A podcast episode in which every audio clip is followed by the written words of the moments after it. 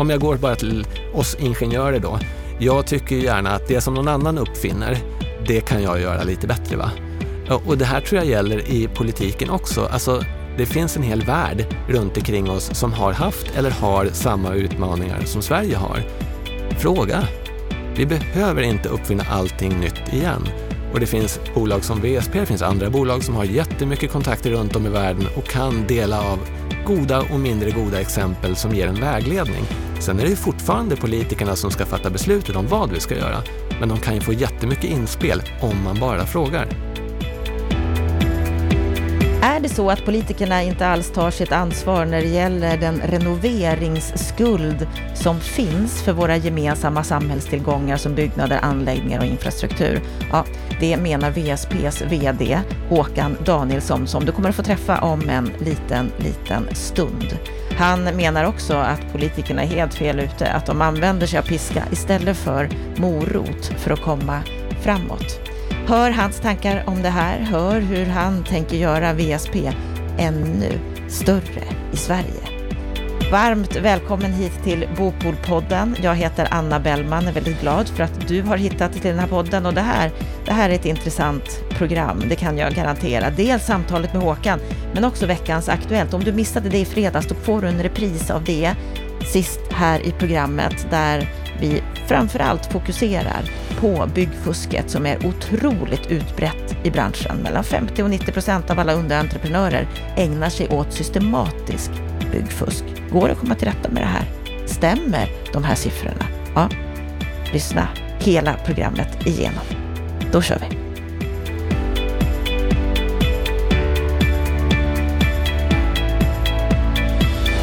Sårbar infrastruktur kan bli en kalldusch. Teknikkonsultbolaget VSP de menar i en ny rapport att det saknas en helhetssyn från politiskt håll och att det finns en stor oro i samhällsbyggnadsbranschen för flera av våra gemensamma samhällstillgångar som byggnader, anläggningar och infrastruktur som har ett stort renoveringsbehov. Det här ska vi prata om idag. Varmt välkommen till Bopolpodden, Håkan Danielsson. Tusen tack, tusen tack, kul att vara här. Du, vad är din sinnesstämning idag? Åh, nej men min sinnesstämning, eh, den är nog vad man gör den till. Så att jag brukar alltid försöka gå ut och liksom leta möjligheter. Det finns två sidor på alla mynt. Det är bara ett, ett förhållningssätt vilken sida du väljer att titta på. Så att jag försöker alltid leta möjligheter. Det finns alltid något positivt i allting. Eh, ibland svårt att se, men det går om man letar. Så att eh, jag mår jättebra. Eh, hela tiden titta framåt. Vad som är bakom det, liksom, det kan man inte ändra. Och jag tänker att människor är olika här. Alla har ju inte den här förmågan att alltid se positivt på allting. Kan du irritera människor runt omkring dig med det här förhållningssättet och synsättet?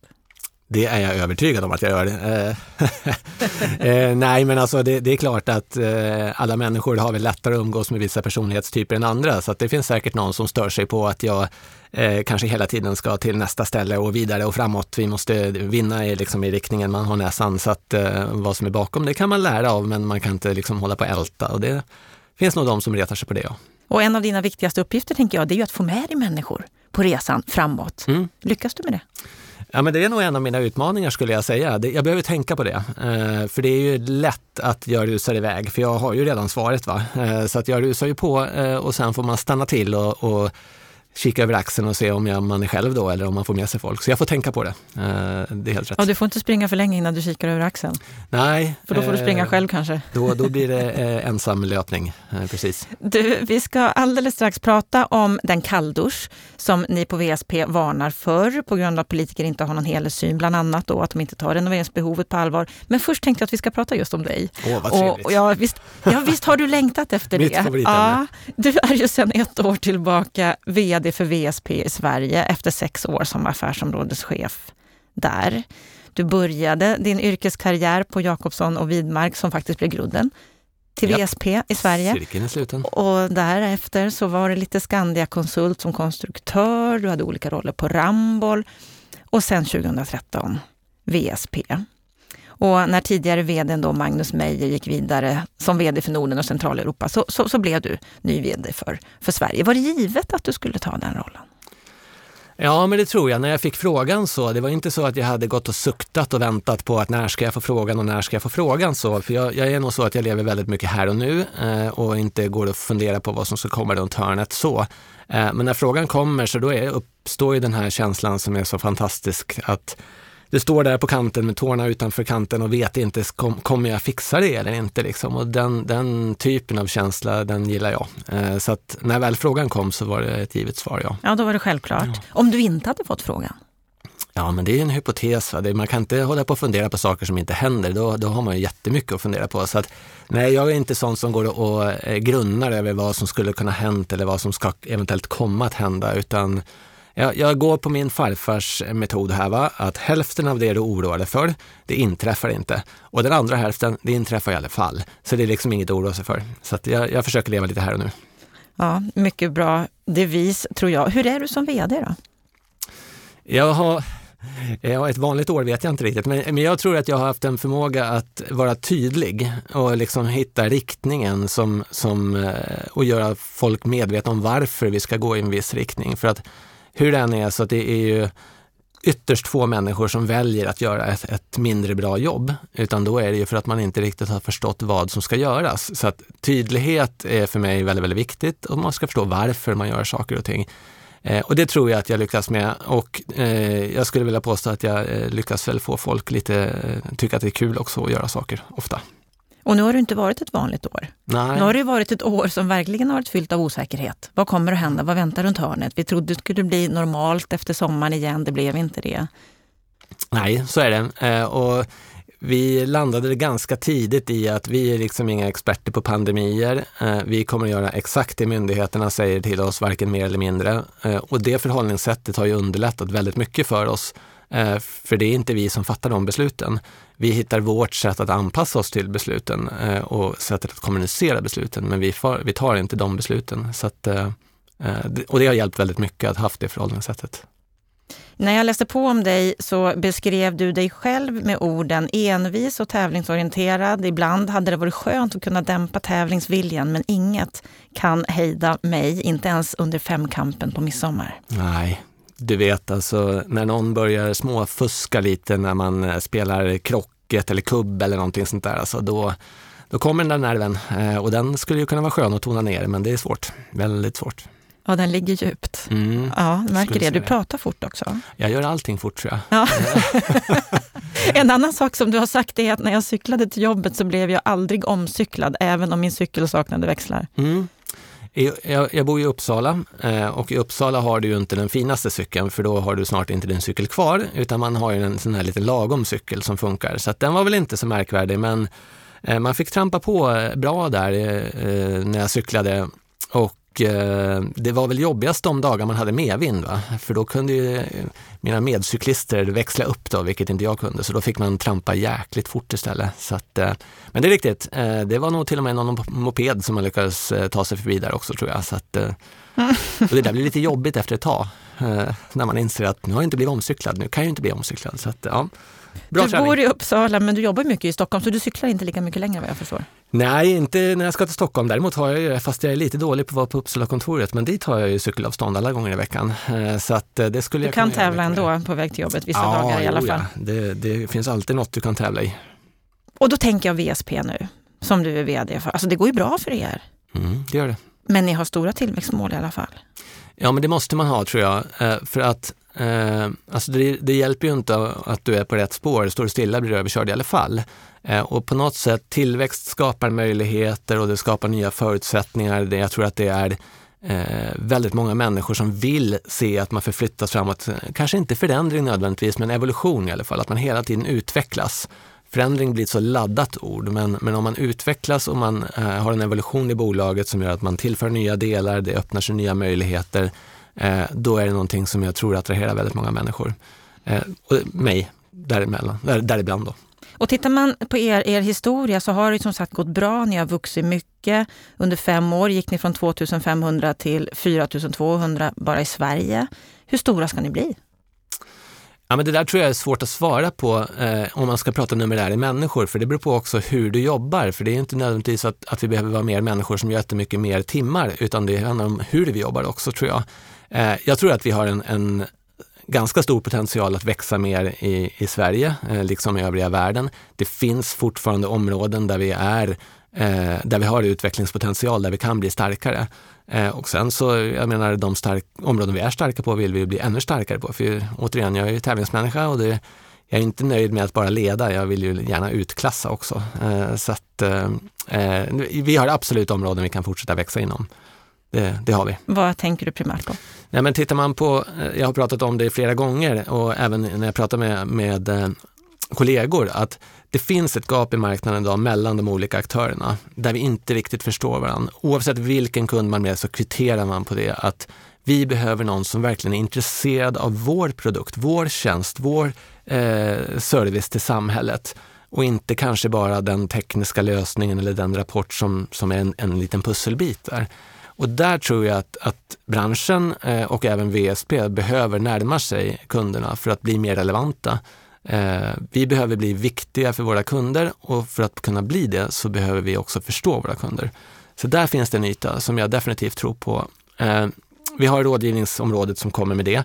Vi har hela den gröna omställningen som sker i samhället just nu som Ja, jag tror bara faktiskt vi har sett början på den. Eh, det kommer att fortsätta. Tittar man på klimatmål i Sverige globalt eh, så finns det väldigt, väldigt mycket som behöver göras. Och det berör egentligen alla sektorer. Oavsett om det är industrin, infrastrukturen eller om vi pratar bostäder så är det ju någon form av grön omställning som behöver ske.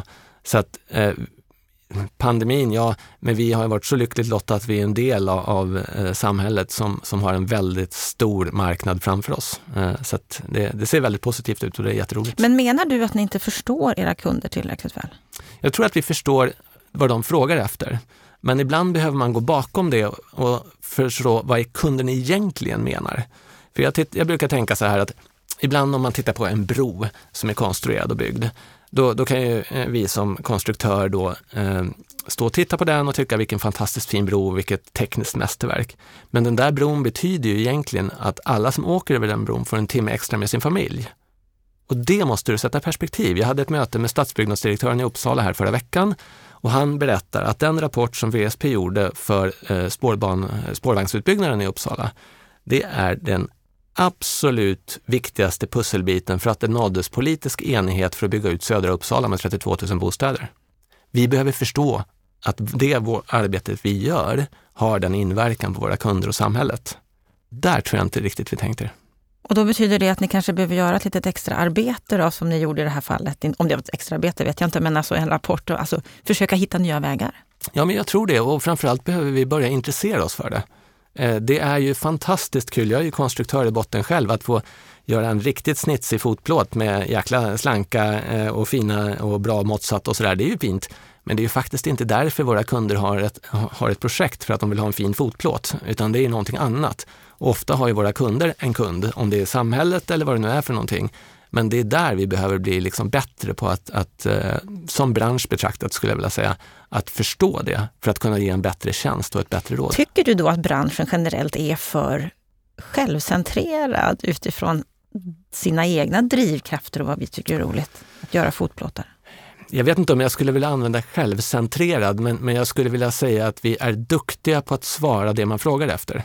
Och inte se bortom det. Precis. Vad man egentligen behöver. Vi blir lite reaktiva eh, på det sättet. Och vi är jättebra på att svara på sånt vi får frågor om. Jag menar, det är ju ingenjörskonst och, och rådgivning. Det är jättebra på det. Men man ger ju ett bättre svar om man kanske förstår vad kunden egentligen frågar efter fast kunden kanske inte riktigt kan artikulera det. Nej, för mycket av utvecklingen som vi ser idag, bland annat inom det digitala, där har vi ju inte fattat att vi behövde viss teknik först den kom. Nej, exempelvis. Inte. Och hade någon sagt till mig för ett år sedan att, att VSP med över 50 000 medarbetare i hela världen ska allihop jobba hemifrån om ett år, hade jag aldrig trott på. Du, när du har pratat om det här som du säger, du har pratat om många gånger om det här med, med vikten av att ha en större förståelse för vad kunderna verkligen behöver, att det finns ett gap där just nu. Du sa i en artikel i Fastighetsnytt att vi är på väg att bli nummer ett som samhällsutvecklare i Sverige. Guldet tänker vi abonnera på. Mm. Vad, men, vad menar du med det? Ja, men om jag får dra en liknelse då. Eh, jag håller på en del med sport, inte brottning för den delen, men om man kommer ihåg Alexander Karelin, den gamla ryske brottaren, och så skulle ju Thomas Johansson i OS brottas om guldet med honom där.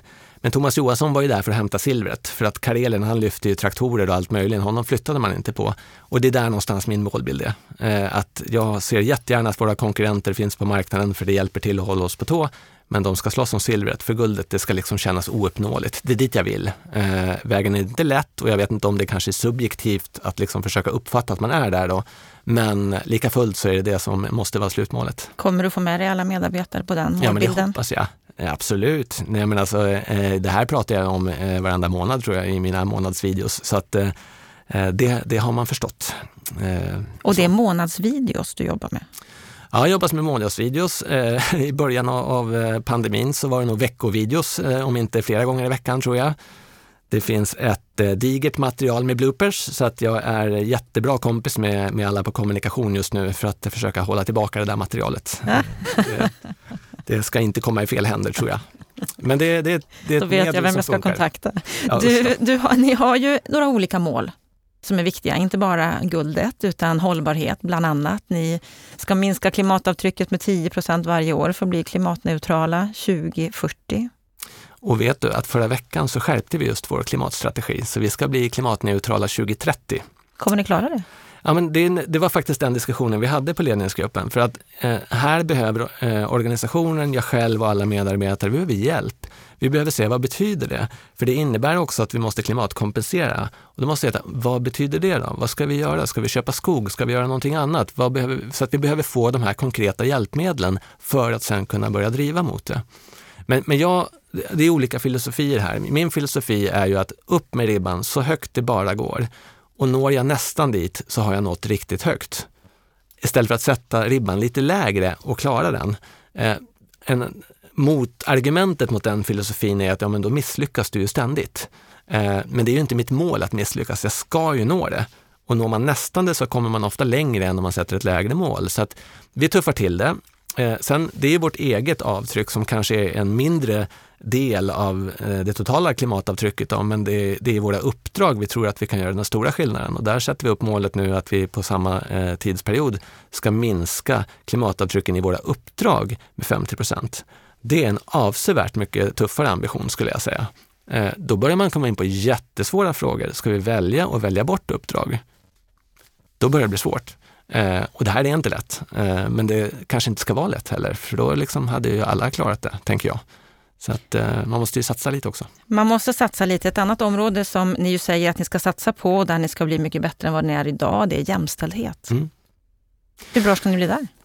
Ja, först så, jag är inte så där jätteförtjust i ordet jämställdhet. Jag gillar mångfald mera. Sen, sen finns det ju GDPR och andra saker som gör att man inte får göra allting då. Men Eh, jag tycker så här att vi ska spegla samhället. Och den här eh, debatten om att det är svårt att hitta rätt kompetens och att man ska kvotera, för mig är den helt ointressant. Det finns så många duktiga, oavsett om det är kvinnor eller män eller vad det nu är för någonting. De finns där. Det gäller bara att kunna attrahera dem. Eh, och det är det vi ska göra.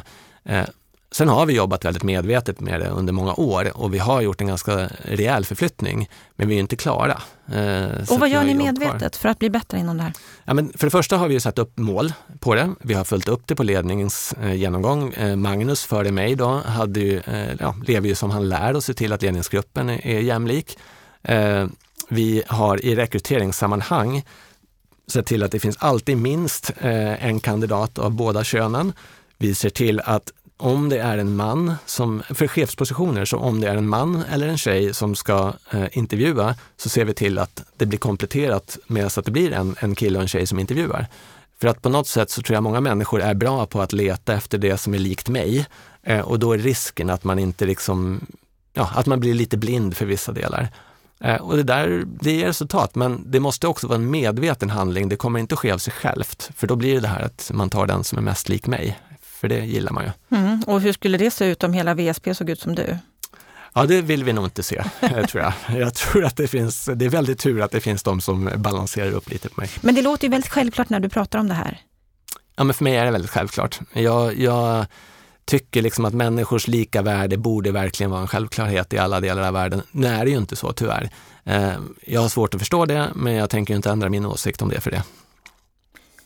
Som eh, du berättade så är du från Uppsala, mm. uppvuxen på en släktgård utanför Uppsala som fortfarande vad jag förstår drivs av dina föräldrar? Ja, eh, arrenderas ut numera, de är pensionärer, eh, men den har varit i släkten sedan 1597 tror jag. Eh, något diplom sitter på väggen där, så att, eh, det förpliktigar lite då. Diplom från Uppsala Eh, Upplandsmuseet. Upplandsmuseet precis. Exakt. Ja. Och nu, på tal om det här med hållbarhet, järnvägen är ju en viktig del i, i det när det gäller vår infrastruktur och regeringen har ju beslutat om att järnvägen mellan Stockholm och Uppsala ska byggas ut till fyra spår. Va? Vad tycker du om det?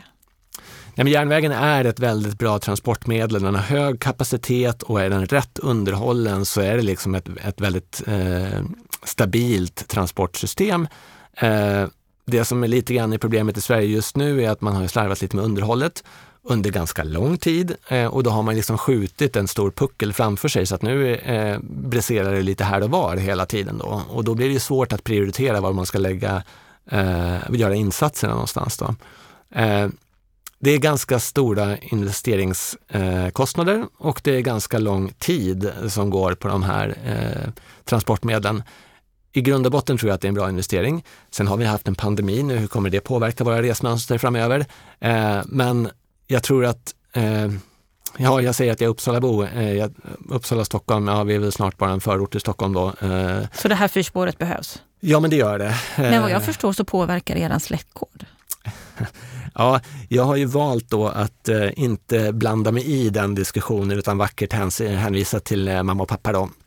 Eh, Som tur var, det är ju deras gård va? Så att, eh, så att jag har hållit mig Men du är ändå lite part den. här, att eh, den kanske borde dras om lite.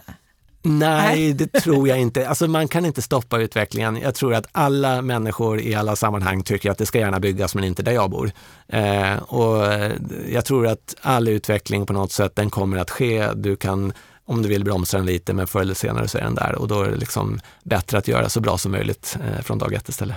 Men VSP har lämnat anbud om Ja, det stämmer. Det, stämmer. Eh, det tror jag är avgjort. Jag tror inte vi vann den. Eh, så då kan jag ju hålla mig borta från släktgården och eh, någon passus där kanske. Mm. Lite så. Du eh, Håkan, du har ju varit ute och debatterat en hel del på slutet här genom just rapporten som ni har skrivit, Sverige behöver renoveras, statusbehov och sårbarheter i våra gemensamma tillgångar, bland annat genom en debattartikel i Svenska Dagbladet. Ni har bland annat intervjuat branschorganisationer som bland andra Energiföretagen, Svenskt Vatten och Fastighetsägarna. Och de då tryck, uttrycker en oro för skicket på våra samhällstillgångar. Vad, vad är det ni har kommit fram till i den här rapporten? Nej, men det är väl det som är ungefär som i järnvägen, att många, många år av bristande underhåll har ju gjort att vi nu står inför ett, en, en jättestor investeringspuckel. Och det som man kan tänka sig är ju att eh, tar man de kommunala elbolagen, Svenska kraftnät och liknande, jag tror de har väldigt bra eh, koll på sina anläggningar och ser vilka behov som, som, som krävs. Men man tittar inte mellan sektorerna. Eh, tar man vattenbolagen och de kommunala vattenbolagen, de är ju beroende av el för att deras eh, verksamhet ska fungera eh, och har väl bara mer eller mindre räknat med att det ska finnas el på samma sätt som industrin räknar med att det ska finnas vatten. Och det är väl det som visar sig nu när man pratar om att man ska dammsuga på kvällar och liknande. Det är inte så självklart längre. Och det här behöver ju lyftas fram. Och jag tycker politiken när sådana här saker kommer upp i dagsljuset och i media, så är man bra på att eh, peka på vad förra regeringar inte har gjort. Och då åter tillbaka till mig själv då, att jag lever mycket här och nu. Jag struntar ju egentligen vad eh, förra regeringar har gjort och inte gjort. Det är ju den sittande regeringen idag som har makten att förändra. Och då behöver man liksom lyfta upp det här, för att jag tror att vi är jättebra på att bygga nya saker. Vi eh, tycker det är superkul. Är vi jättebra på att bygga nya saker? Eh, säg så här då, vi, vi är åtminstone jättebra på att dra igång nya projekt. Sen kan man ju ifrågasätta om vi verkligen bygger eh, med rätt kvalitet eller inte. Då. Men vi är bra på att dra igång nya projekt. Eh, men vi glömmer ju bort det som faktiskt ligger under marken och det som är egentligen en förutsättning för att kunna bygga nya projekt eller vad det nu är. Eh, och här någonstans har det gått snett, tycker jag. Och vi säger att vi ska minska vårt klimatavtryck. Allt nytt vi bygger, oavsett hur bra vi bygger det, kommer alltid ha en miljöpåverkan. Och ska vi minska vårt klimatavtryck, då måste vi börja jobba med det som redan finns. Annars kommer vi inte minska klimatavtrycket. Det jag inledde vårt samtal med, det var ju just ett citat, rubriken ifrån din debattartikel, Sårbar infrastruktur kan bli en kalldusch. Ja. Vad är det som blir en kalldusch? Ja, men se så här då. Eh, ja, om man tittar på Sverige som, som eh, attraktiv eh, etableringsmarknad för nya företag, nya verksamheter, vad det nu är för någonting. Om det börjar bli ett faktum att vi har svårt att tillgodose basala behov som eh, el och vatten, då kommer man ganska snart att välja bort Sverige som, som land för att investera i, för att det, liksom, det går inte att trygga en säker verksamhet i det landet. Och då kommer det påverka vår BNP-tillväxt och påverkar våran jobb och skatteintäkter med mer med mera. Och till slut så står man ju liksom i en väldigt ond spiral som bara pekar neråt. Eh, och det där är ju liksom för AB Sverige en jätteutmaning. Eh, och det är liksom inte lättfixat heller. Vi, vi, tror ju, vi kommer inte att investera lite här under hösten och så är det här åtgärdat. Det här är jättelånga investeringscykler. Att få tillstånd för en kraftledning, det är upp till tio år. Det tar ett par år att bygga den. Ja, då är vi 10-12 år bort. Eh, vatten, om man tar våra avloppsreningsverk och vattenreningsverk, det är ganska anläggningstunga eh, industrier egentligen. Det är dyra investeringar och de tar lång tid, så att det här är inte fixat imorgon. Det här, tar man inte tag i det här nu, då är vi ganska långt fram i tiden innan vi kommer att kunna åtgärda det. Och då har vi stora bekymmer tror jag. Och det du bland annat pekar på i, i artikeln här, det är att upp till 25 procent av dricksvattnet läcker ur ledningarna innan det når kranen. Ja. Det är mycket. Ja men det, det är sjukt mycket. Det, det är liksom som man nästan, om du reflekterar över hur det ser ut i övriga delar av världen där rent vatten är liksom en väldigt värdefull tillgång medan vi släpper ut en fjärdedel av vattnet innan det ens når kranen. Och det är klart, där är ju politikens utmaning. För att vet du Anna, när om jag blir politiker, om jag får din röst, vet du, då kommer du fortsätta ha vatten i kranen. Det kanske inte får din puls att slå sådär superhårt, men den dagen som vattnet inte rinner, då kan jag ge mig fasen på att pulsen slår hårt. Så det är en politisk utmaning. Du skriver här att eh, pandemin har lärt oss att uppmärksamma sårbarheter i samhället, men mycket tyder på att vi tar vårt moderna samhälle för givet. Ja, men... Har vi hamnat där? Ja, jag tycker nästan Även det. politiskt? Jag tycker det. För att eh, om pandemin då, nu ska jag väl inte uttala mig om, om den typen av vård allt för mycket, då, men det, det, är uppenbart att det finns väldigt stora brister i, i samhället när pandemin drog igång. Jag tror att, att man har lärt sig jättemycket att hantera en kris just under det här senaste året. Men det var ju väldigt uppenbart, att det var väldigt mycket som inte fungerade inom äldrevården och inom vården och omsorgen. Eh, och det är likadant på andra områden också. Och här har vi blivit lite bekväma tror jag och liksom bara tänkt att det där, det, det finns. Det där behöver vi inte tänka på utan nu framåt här, nu ska vi, nu ska vi starta nästa projekt här eh, och hoppas att det blir spännande och bra. Och så bara räknar man med att det gamla fungerar. Men det är ju inte riktigt så. Du säger här att det saknas både strategi och helhetsperspektiv för hur vi tar hand om det vi tillsammans byggt upp under generationer. Mm. Helhetsperspektiv. Ja men återigen det här att, att de här olika delarna som vi pekar på här inom infrastrukturen, oavsett om det är vatten, el eller transporter, de är ju beroende av varann. Eh, de funkar ju inte liksom en och en. Och jag, jag vill faktiskt mena att Svenska kraftnät och de kommunala vattenbolagen, de, de kan sin verksamhet. Det, det har jag ingen åsikt om, de är jättebra på det. Men de kan ju inte varandras verksamheter. Och det är där någonstans det blir problem. Och då är vi inne på det vi ofta hamnar i när vi har samtal och debatter om hur vi ska bygga vårt välfärdssamhälle, vår samhällsbyggnad, samverkan. Ja, precis. Och kanske, eh, ja, om jag går bara till oss ingenjörer då. Jag tycker gärna att det som någon annan uppfinner, det kan jag göra lite bättre. va? Och det här tror jag gäller i politiken också. Alltså, det finns en hel värld runt omkring oss som har haft eller har samma utmaningar som Sverige har. Fråga! Vi behöver inte uppfinna allting nytt igen. Och det finns bolag som VSP, det finns andra bolag som har jättemycket kontakter runt om i världen och kan dela av goda och mindre goda exempel som ger en vägledning. Sen är det fortfarande politikerna som ska fatta beslutet om vad vi ska göra. Men de kan ju få jättemycket inspel om man bara frågar. En sak som, som jag skulle vilja ta upp med dig, du, du säger här också att det finns stora regionala skillnader vad gäller bland annat då statusen på vägar och elnät och vattenledningar och där landsbygden får ta allt högre kostnader för uteblivet underhåll. Hur stora skillnader är det skulle du säga?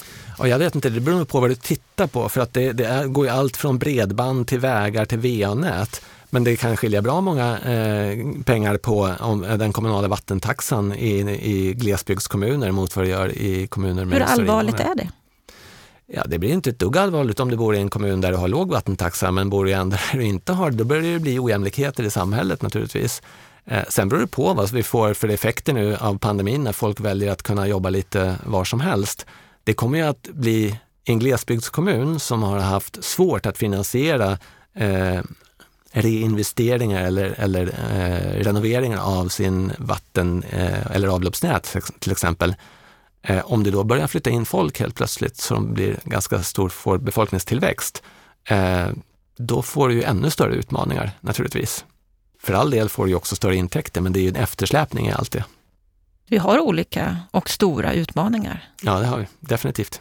En, en annan sak som, som, som du skriver i, i, i den här rapporten eller i, i din debattartikel som jag, som jag vill lyfta, det är det här med bostadsbristen. För enligt VSP så är de flesta byggnaderna som behövs i Sverige för lång tid framöver redan byggda. Mm. Många menar att vi har en bostadsbrist. Det beror nog på lokalt. Alltså tittar du på en stad för stad så kan det nog vara så. Det där tror jag också kommer att förändras nu. Eh, och sen finns det ju nu en debatt om, jag tror att Boverket ska komma med ett utlåtande i slutet på månaden här om hur man kan förändra kontor till bostäder. Jag kanske inte tror jättemycket på den faktiskt, men problemet är att vi har inlåsningseffekter. Vi har ju äldre eh, som bor i stora villor, kanske ensamma eller två personer. Eh, de kan inte eller vill inte flytta in till en lägenhet för de får liksom ingenting för sin villa i jämförelse med vad en lägenhet kostar. Och i andra änden så har du ju då en en, eh, en yngre person som ska göra sin bostadskarriär och så ska göra sin första, eh, ja, första bostadsköp som inte kommer in på marknaden för att tröskeln är för hög. Eh, och där finns det också politiska eh, regleringar som kommer in och påverkar eh, och kanske i många fall inte till det positiva. Skulle flyttkedjor lösa det problem vi har menar du? Till stor del skulle jag vilja påstå det. En yngre familj som kan flytta ut och eh, skapa sin med familj, med barn och så vidare eh, och bo i en, då en större villa utanför medan då en äldre person kan flytta in i en lägenhet eh, och båda får egentligen den boendeform som kanske passar dem bäst just då i livet. Men vad är det då politikerna behöver göra för att vi inte ska få den här kallduschen, för att vi ska klara av våra bostadsutmaningar framåt? Nej, men de behöver fatta beslut. Beh jag tycker att det är paralyserat idag. Det händer ingenting. Man, eh, och det här är en rätt intressant fråga som jag har tänkt en del på. att eh, om, Du som människa vill ju oftast välja aktivt vad du ska göra. Du vill inte bli tvingad in i någonting. Du vill liksom inte piskas in utan du vill liksom gå dit som det känns roligare. Och jag tycker att det är, eh, det är säkert inte alla frågor, men ibland tycker jag om jag jämför oss med Norge. Eh, ta elbilar. Eh, I Norge har du jättestora premier om du köper en elbil. I Sverige lägger vi en skatt på koldioxid.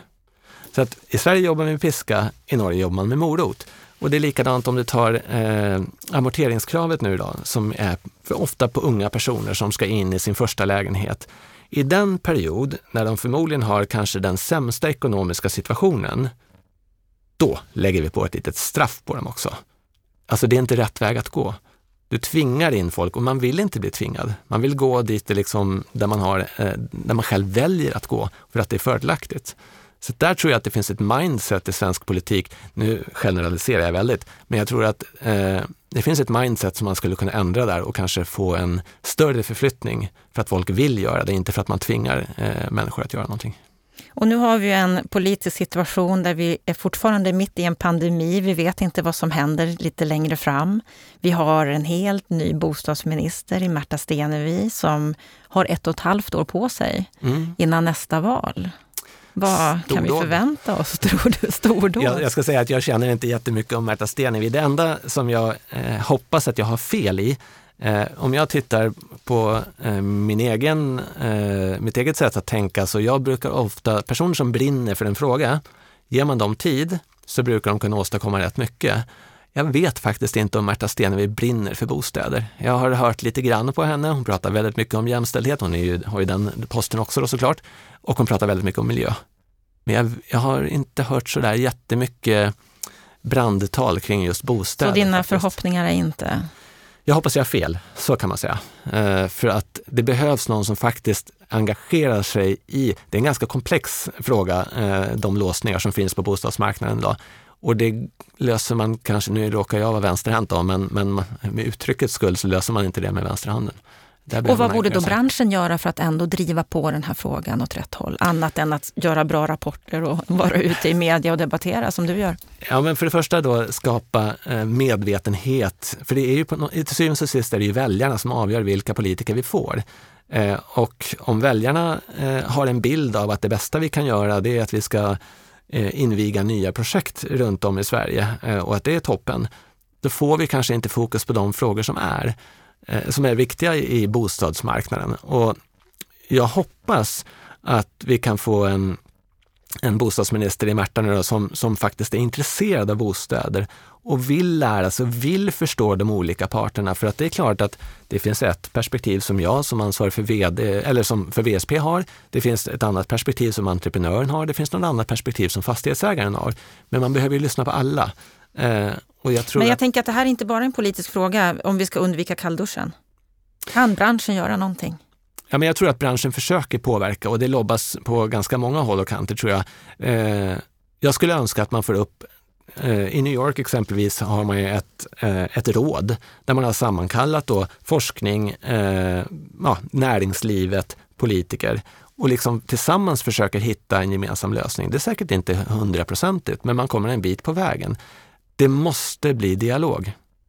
För annars så kommer man bara titta på längs den väg man är van att titta på. Det behövs dialog. Det behövs att saker och ting händer för att vi ska undvika kallduschen som du har varnat för. Ja, och mod. För det kommer inte vara enkla beslut. Det kommer inte vara populära beslut i alla lägen, men det är fortfarande nödvändiga beslut. Stort tack Håkan Danielsson för att du var med i Bopolpodden. Tack för att du fick komma hit.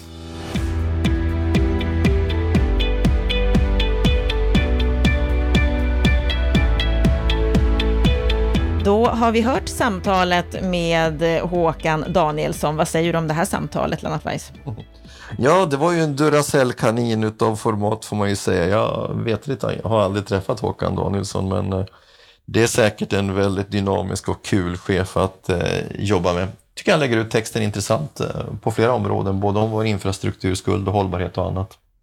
Ja, och vi pratade ju en hel del om företagsbyggande också kan vi säga, just det här med hur VSP, som det redan går bra för, ska öka ytterligare. Vad säger du om hans tankar här när det gäller hur de måste bli bättre på att förstå kunden, att minska det här gapet som han säger att han ser på marknaden?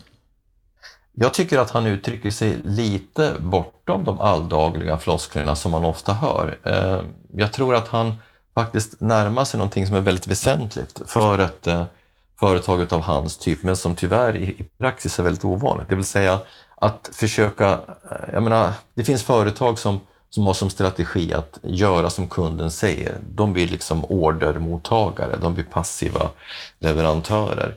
Det han försöker formulera, det är någon sorts företagsidé där man ser bakom det kunden säger och försöker förstå det verkliga motivet. Det, det, det signalerar en mer konsultativ roll, en mer offensiv roll. Och jag gillar det. Jag, jag tycker själv att det är det attraktiva sättet att bli utmanad på utav en leverantör.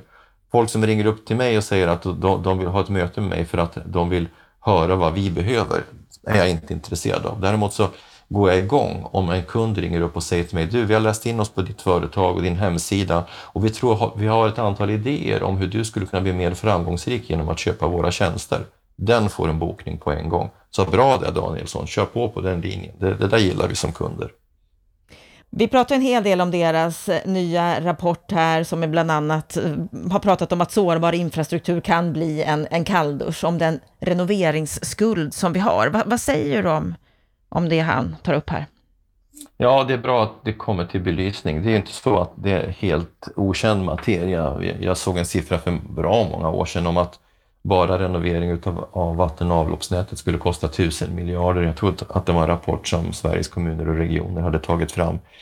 Eh, men, men den där typen av information har en tendens att hamna i skugga. Det är bra att den kommer upp. Och det är väldigt bra tycker jag att han kopplar ihop det med hela hållbarhetstemat. För naturligtvis är det så att det är klokare utifrån ett hållbarhetsperspektiv att vårda det vi har än att liksom ständigt bygga nytt. Eh, jag menar om vi bara tar en sån här sak som, som, som järnvägsinfrastrukturen. Allting som handlar om cement innebär enorm energianvändning och därmed en klimatbelastning. Så att det är bra att koppla upp saker på det sättet. Men du vet ju hur det är. Det är alltid mycket mer flashigt och attraktivt att investera i nytt och presentera nya projekt än att underhålla det man har. Men man måste börja att underhålla det man har. Så att han är helt rätt på det. Ja, och här menar han ju att politikerna måste ta beslut. Att de inte bara kan har den här oförmågan som han upplever att, att det finns idag. Va, va, vad säger du om det? Är, är han på spåret där? Ja, det tror jag. Jag tror att det skulle behövas något annat sätt att eh, eh, lägga investeringsplaner. Jag menar, när vi, när vi bygger ett hus, då bygger vi ju in förvaltningskostnaden i vår kalkyl. Man verkar ju inte göra så när det gäller infrastruktur. Jag menar, vi vet ju, jag vet ju väldigt väl vad ett, ett bostadshus kommer att kosta i förvaltningskostnader de närmaste 50-60 åren för att man ska liksom eh, eh, vårda det fastighetskapital man har byggt. Men, men det fungerar ju inte så när det gäller offentliga investeringar i infrastruktur och annat och så borde man göra. Den kostnaden borde vara med från början och det borde göras avsättningar för det så att vi liksom håller en jämn takt. Jag menar, på, på bostadsspråk kallas det här för underhållsplanering. Man har underhållsplaner. Det borde man även ha när det gäller infrastruktur. Mm, och det saknas idag menar du? Ja, det verkar finnas, saknas. Jag vet inte exakt hur det där fungerar, men det borde in i den offentliga kalkylen. Redan när man lägger investeringsplanen så borde, så borde så att säga underhållskostnaden vara budgeterad och det borde göras avsättningar för den. Och har man inte råd med underhållskostnaden, då borde man nog vara lite mer försiktig med att göra vissa investeringar eller styra dem rätt. Så jag tror att det här är en styrningsfråga i, i stor utsträckning. En annan sak som vi pratade om, det hade ju med bostäder att göra, där Håkan menar att allt som behövs redan är byggt. Hur ser du på det resonemanget? Ja, alltså jag brukar ju, jag och Stefan Attefall brukar ju föra ett resonemang som ligger ganska nära. Vi brukar ju lyfta fram att rörligheten är en av de prioriterade politiska frågorna. För, för visst har Håkan helt rätt i att eh, det finns gott om äldre personer som idag sitter i överstora villor och, och, på det sättet blockerar attraktiva bostäder som unga barnfamiljer skulle ha bättre nytta av. Men, och där vet vi att incitamentsystemen inte fungerar som de ska, det vill säga det är billigt att bo, dyrt att flytta. Det borde vara hellre tvärtom. Men, men det är svåra frågor det där därför att det utmanar en massa politiska problem, väljargrupper och annat. Så att i viss mån håller jag med honom, men, men eh, ändå inte helt. Därför att vi pratade till exempel i veckans Aktuellt här om villapriserna som har stuckit iväg. Det är ett exempel på en delmarknad i bostadsmarknaden där vi har byggt för lite och gjort det under lång tid. Delvis till följd av att kommunerna har anammat ett, ett nytt planeringsideal där man ska bygga tät stad hellre än glesa trädgårdsstäder. Och jag tror att det där har gått för långt man måste ändå liksom vara öppen för hushållens preferenser och bygga mer varierat. Och sen så är det ju ändå ett faktum att med urbaniseringen så följer ju också nya behov. Så att eh, det är inte så att vi klarar oss eh, blott och bart med det vi har. Men, men, men med en bättre rörlighet så skulle ju nytillskottet inte behöva vara lika stort. Men då behöver man ju tänka igenom vad är det för nytillskott som behövs? Vilken typ av bostäder? Och där kunde ju analysen bli skarpare också. Det han eh, är inne på och ger exempel på, det är det här med piska och morot. Han tar ju exempel på hur Norge jobbar med elbilar och med bostadslån. Mm. Hur, ja, hur, ska ja. vi är, är han rätt på? Ja, han är helt rätt. Jag är helt ense om honom. Eh, mina norska kollegor, de har ju lyft fram precis den här aspekten när det gäller elbilsomställningen. De har helt rätt. Och, och när det gäller bostadsmarknaden, det är väl bara att titta. I Sverige Alltså norrmännen har också bolånetak och amorteringskrav, men de har ju balanserat det genom att ha riktade åtgärder till ungdomar och förstagångsköpare i form av startlån, i form av subventionerat bosparande. Så att de sänker ju medvetet trösklarna för de grupper som har de största behoven och så ligger restriktionerna kvar mot de andra grupperna. Men det är ju för att de har ju haft en bostadspolitik under väldigt lång tid där, som har byggt på att hushållen ska kunna lösa sina problem Eh, med samhällets stöd. Och, och, genom att man har liksom byggt politiken på en efterfrågestyrd bostadsmarknad så har man anammat andra verktyg. Och sen verkar man ju ha en lite annan balanspunkt mellan politik och eh, det administrativa systemet i Norge. Jag skulle säga att politikerna i Norge relativt sett är starkare mot sina myndigheter än svenska politiker är som ju har en tendens att vara väldigt eh, mesiga och, och, och, och lätta att hantera för myndighetscheferna. Mm, för det här handlar en del om hur myndigheter och politiker samarbetar. Ja, samarbete och rollspelet emellan dem, det är, det är väl möjligen på den punkten jag har, har någonting att lägga till till Håkan Danielssons resonemang. Därför att Håkan gör ju som de flesta andra, han betonar att det är politikerna som inte har tagit vissa beslut. Och det är väl för all del sant, de har det övergripande policyansvaret. Men man ska också komma ihåg att det finns ett rollspel mellan politik och, myndighets, eh, och myndighetssfären, förvaltningssfären. Och, och eh, myndigheterna, tjänstemännen, har väldigt stor eh, administrativ, stor dold makt, verkställande makt. Och, och eh, då krävs det starka politiker som vet vad de vill och som eh, driver myndigheterna framför sig mot de politiska målen. Och jag tycker att det har skett en väldigt kraftig omsvängning i Sverige de senaste 30-40 åren där den administrativa makten har blivit mycket, mycket starkare på politikens bekostnad. Och det där måste vi se som jobbar med opinionsbildning. Politikerna ska givetvis uppvaktas på olika sätt, men det gäller också att ta debatten med myndighetssfären, för den utövar en dold makt som är väldigt mycket starkare än de flesta inser. Mm. Då får vi fortsätta att, eh, att göra det, ligga på myndigheterna lite mer. Mm, det behövs. Då har vi hört eh, samtalet med Håkan Danielsson och Lennart Weiss kommentar på det. Då har det blivit dags för en repris av veckans Aktuellt som vi sände i fredags. Ett väldigt långt veckans Aktuellt, för det här med byggfusk, det kräver sin tid. I veckans Aktuellt den här veckan så har ju du, Lennart Weiss, verkligen bidragit till att vi har mycket att prata om, kan man ju lugnt säga. Du gick ju bland annat ut rätt hårt om byggfusket. För du menar att eh, minst 50 procent, kanske så många som 90 procent av alla utländska företag fuskar. Mm. Vad är det du har som grund för ett sånt här uttalande? Ja, på ett allmänt plan så kan man ju faktiskt hänvisa till Stoppa fuskets analyser. De har gjort över 600 djupa skrivbordsanalyser utav utländska underentreprenörer. Två stycken gick igenom den kontrollen. Stockholmshem har gjort ett antal kontroller, arbetsplatsrelaterade men, delvis också av administrativ karaktär. Eh, fann också helt chockerande siffror när det gällde eh, svartarbete och annat. Det vi har gjort det är att vi till följd av ett antal ehm, incidenter som vi haft, där vi har tillsatt krisgrupper, har gjort fördjupande utredningar som sedan har övergått i någon typ av eh, ehm, allmän utredningsverksamhet som vi både gör ihop med Byggnads, vår fackliga samarbetspartner när det gäller leverantörsbedömning. Vi har ju ett unikt samarbete på det planet med Byggnads. Och, och tillsammans med Stoppa fusket. Eh, det har vi gjort på ställningsbyggarsidan, men vi har också gjort det i ett antal företagscase som vi har haft uppe på bordet. Och det sorgliga är att i samtliga fall där vi har gjort sådana här undersökningar så fastnar företaget i kontrollgarnet.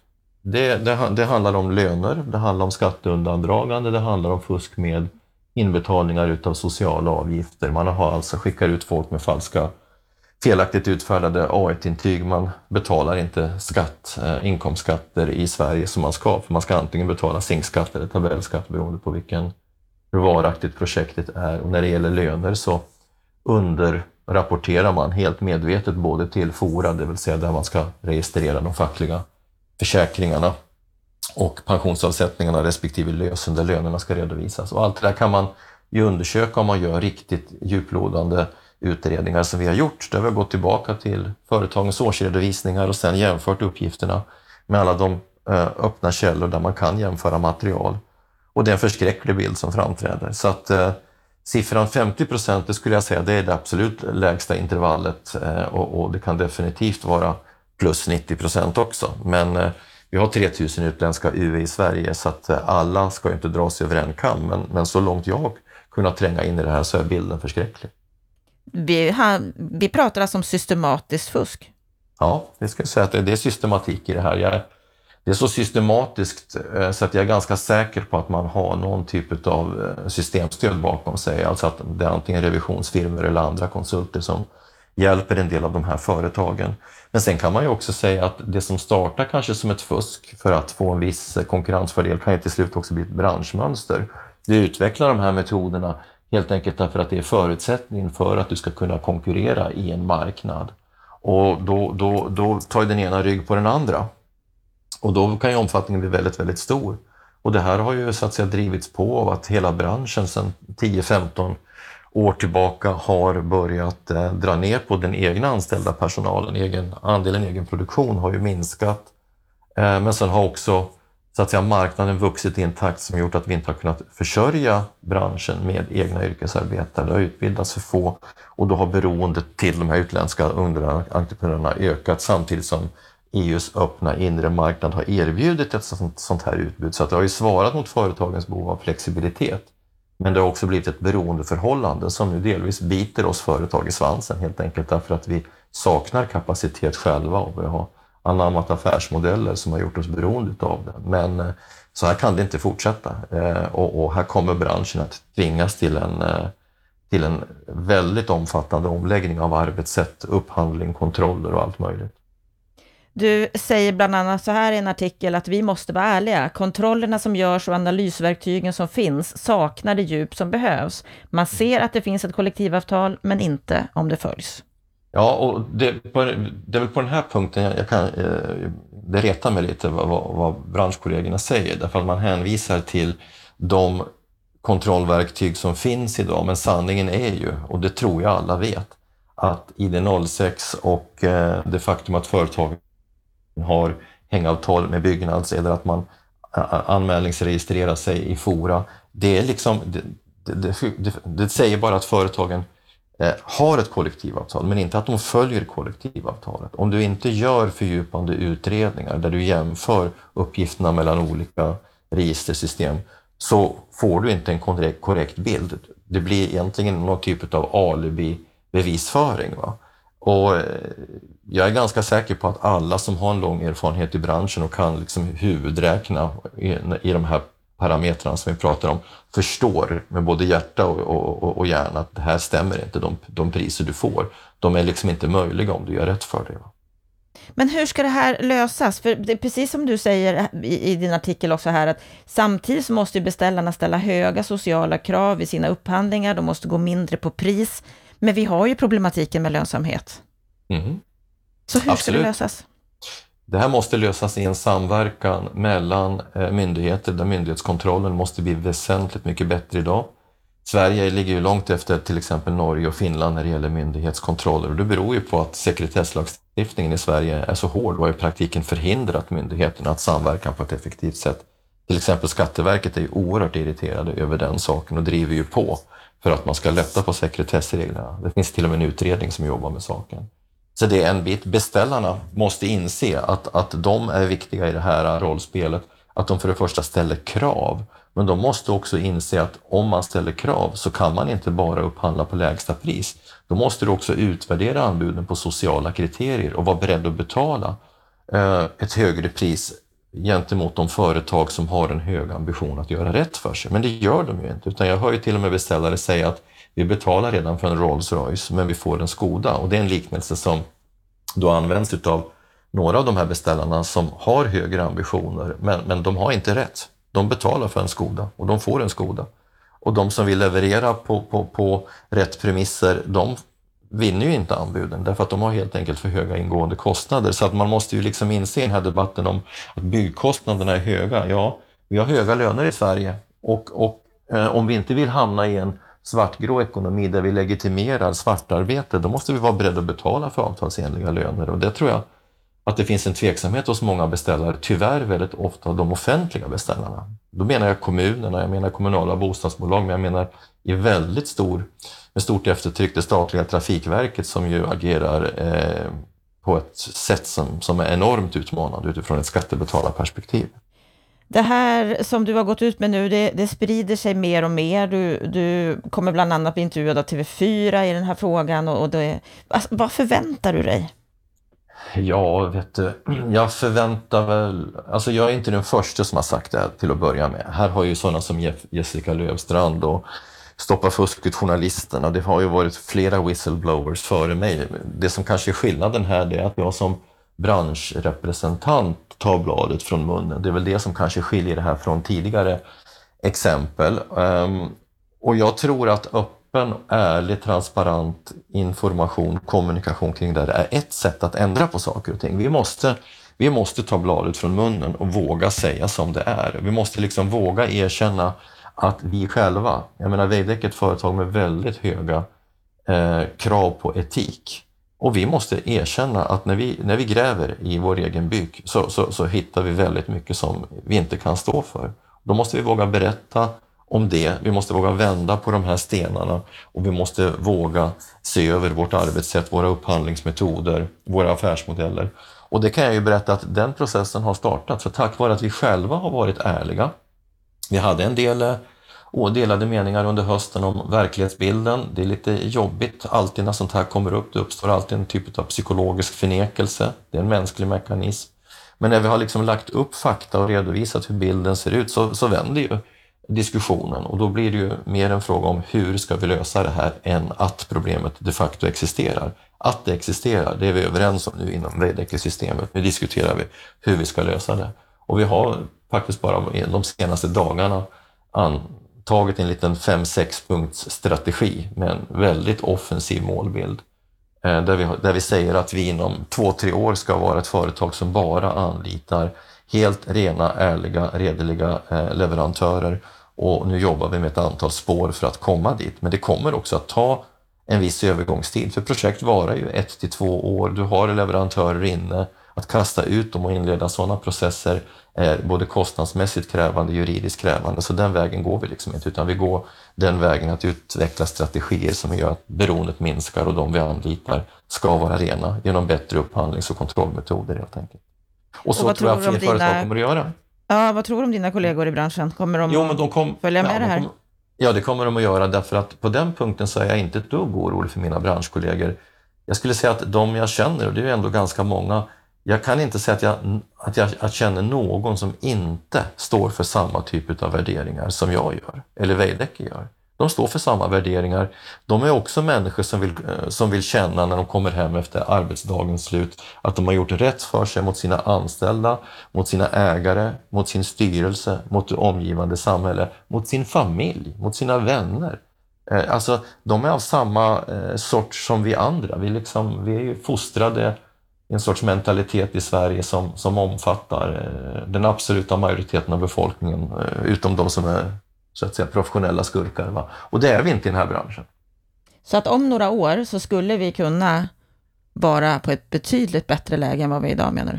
Ja, absolut. Och jag är ganska säker på att eh, snöbollen kommer att komma i rullning. För det är klart att, eh, och då menar jag att, att den har kommit i rullning eh, långt innan jag tog bladet från munnen här, för det, det, det, pågår ett antal parallella processer. Men kanske att den accelererar tack vare att frågan kommer ut i offentligheten och vi börjar prata om det. Men eh, jag satt i ett långt eh, Teamsmöte med, med, eh, med de ledande personerna i, i byggföretagen igår och vi är definitivt inte oense om vare sig eh, nulägesbilden eller målbilden. Däremot så erkänner vi alla att det är svåra frågor det här. Därför att det, det här problemet förutsätter en samverkan i flera olika led. Inom branschen, inom myndighetssfären, på beställarsidan, politiken etc. Va? Och det är tröga processen när det är så många intressenter inblandade, men att vi kommer att vända den här skutan, det känner jag mig trygg i. Vi får eh, följa med och fortsätta och, och, granska det här tror jag och fortsätta att driva på. Du, vi ska ta upp en annan sak som du också har gjort den här veckan och det är att du har skrivit ett öppet brev till finansutskottets ordförande Åsa Westlund och vice ordförande Elisabeth Svantesson. Och rubriken på ditt brev är Varför möjliggör inte finansutskottet en allsidig granskning? Vad är det du efterlyser och kritiserar här i det här öppna brevet?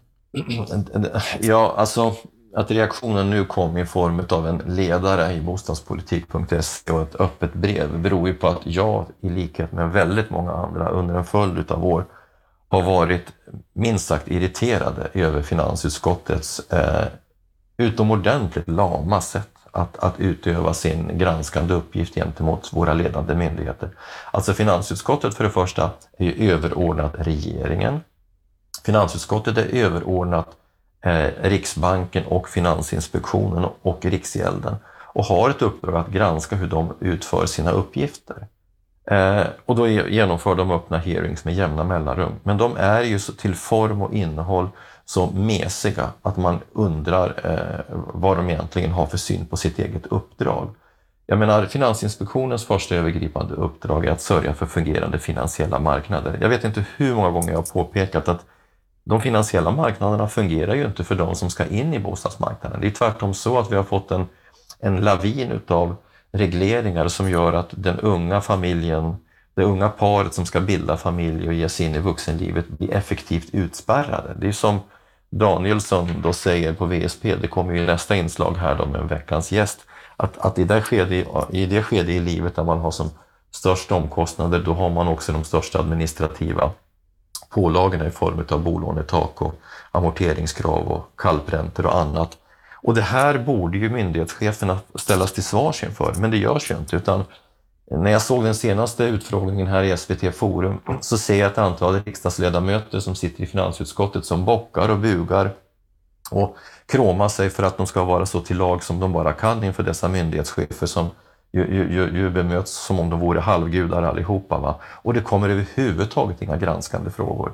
Då skriver jag ett öppet brev och frågar varför utfrågningarna går till på det här sättet. Varför tar man inte in experter som har en annan synpunkt? Experter från branschen, andra ekonomer. För alla vet ju att det råder inte konsensus i de här frågorna. Utan det är tvärtom en väldigt stora åsiktsspänningar mellan myndigheternas eh, experter och oberoende experter. Det är jättestora skillnader och det är välkänt. Men, men, men Finansinspektionen skapar, förlåt, Finansutskottet skapar inte den arenan för den öppna debatten. Och när jag ställer då tre väldigt vänskapligt, vänligt utformade frågor, då blir alltså finansutskottets ordförande förbannad och reagerar som en, ursäkta, barnunge. Och, och, och På vilket sätt? Vilken, re vilken reaktion har du fått? Ja, jag får ju alltså ett mejlsvar eh, av hennes assistent, hon svarar inte själv, utan av den som är ansvarig då på S-sidan i finansutskottet, att i det här forumet har man verkligen inte någon avsikt att lägga någon kommentar. Det är ju en prinsessan på ärten-reaktion. Um, ehm, och jag funderade först om jag skulle gå i svar och mål, eh, men, men nu låter jag det svalna lite. Jag kommenterar det här i Bopolpodden, jag ska låta det svalna lite. Men jag kommer att komma tillbaka och det hoppas jag fler gör, därför att på det sättet som man utövar sitt, granskande uppdrag idag så är det pinsamt dåligt. Det är pinsamt, genant, svagt eh, sätt att förvalta det här uppdraget. Men den frågan ska inte bara ställas till finansutskottets ordförande. Man kan ju möjligen eh, vara lite förmildrande i sin kritik för hon är ganska ny. Vad har de andra gjort under alla åren? Det finns en vice ordförande och det finns gruppledare för de andra partierna. Det finns ju, det vet jag, det finns några i det där finansutskottet som har kompetensen. Men visa då lite lejontass, visa lite hörntänder, ställ kritiska frågor och sitt inte bara av mötena. Här har ju hela finansutskottet ett ansvar inför sina väljare, ytterst inför sina väljare. Och de har ett formellt uppdrag att granska eh, den administrativa makten, men så gör det då, det är det ni har betalt för. Så en stor irritation från din sida, ett öppet brev som inte kommer att besvaras? Ja, vi får väl se. Nu ska vi faktiskt eh, se vad vice ordföranden säger och vi kommer också gå vidare och fråga de andra gruppledarna. För att eh, så här får det bara inte gå till. Man kan väl säga att vi på bostadspolitik.se och Bopolpodden, vi tar i varje fall vår granskande uppgift på allvar, så vi kommer inte att släppa det här. Det kommer Nej, vi får fortsätta och, och hålla i. Du, det sista vi ska ta upp idag, lite kort här, det är ökade villapriser. Svenska Dagbladet skrev här i måndags om att snittvillan har blivit 1,4 miljoner kronor dyrare på bara ett och ett halvt år i Storstockholm. I Stormalmö så har genomsnittspriset ökat från 3,8 till 4,6 miljoner, i Storgöteborg från 4,6 till 5,4. Det här, det här skriver Svenska Dagbladet om här nu i måndags. Alltså det är 30 procent högre villapriser på ett och ett halvt år. Det är jättestora prisökningar vi pratar om. Ja, det är det verkligen. Och ska man svara kort på det här, Anna, så kan man säga att dels är det här ett resultat av en, av en bygg och bostadsskuld som vi har byggt upp under ett par, tre decennier. Det, det, det saknas helt enkelt väldigt mycket bostäder utav rätt sort, framförallt i storstadsregionerna. Men sen är det också ett utslag av den enormt expansiva penningpolitiken. Jag menar, du handlar, du, du lånar idag om du är inne på bostadsmarknaden till omkring 1 procents ränta. Det är otroligt billigt att låna och då får du den här effekten. Så det här var väntat? Ja, vänta, alltså det är nog det är högre tal än vad vi kanske hade föreställt oss. Men att villamarknaden drar iväg som den gör beror ju på att vi har byggt alldeles för lite villor under ganska lång tid. Och nu efter corona när det sker vissa livsstilsförändringar, folk vill bo mera naturnära och ha ett extra sovrum och vad det nu är, arbetsrum, så sticker priserna och då finns det ett sätt att lösa det här och det är att öka utbudet på byggbar mark för villor och småhus. Sen kommer naturligtvis inte de här låga räntorna att ligga kvar på de här nivåerna. Det kommer ju ske en viss eh, eftersläpning. Men det är ett utmärkt läge att fundera på hur man ska dämpa utvecklingen hos de som har eh, stora resurser och kanske lätta på dem för de grupper som behöver komma in på bostadsmarknaden. Så att jag skulle vilja se lite politisk innovationskraft i det här läget, men det ser vi ingenting av just nu. Ja, det blev ett långt härligt Bopolpodden den här veckan. Ett långt härligt samtal med Håkan Danielsson, VD på VSP och ett långt veckans Aktuellt då vi framförallt fokuserade på byggfusket och hur det kan bli bättre i branschen. Stort tack för att du lyssnar på Bopolpodden. Gå gärna in på bostadspolitik.se och förkovra dig. Med detta så önskar jag dig en riktigt, riktigt bra vecka.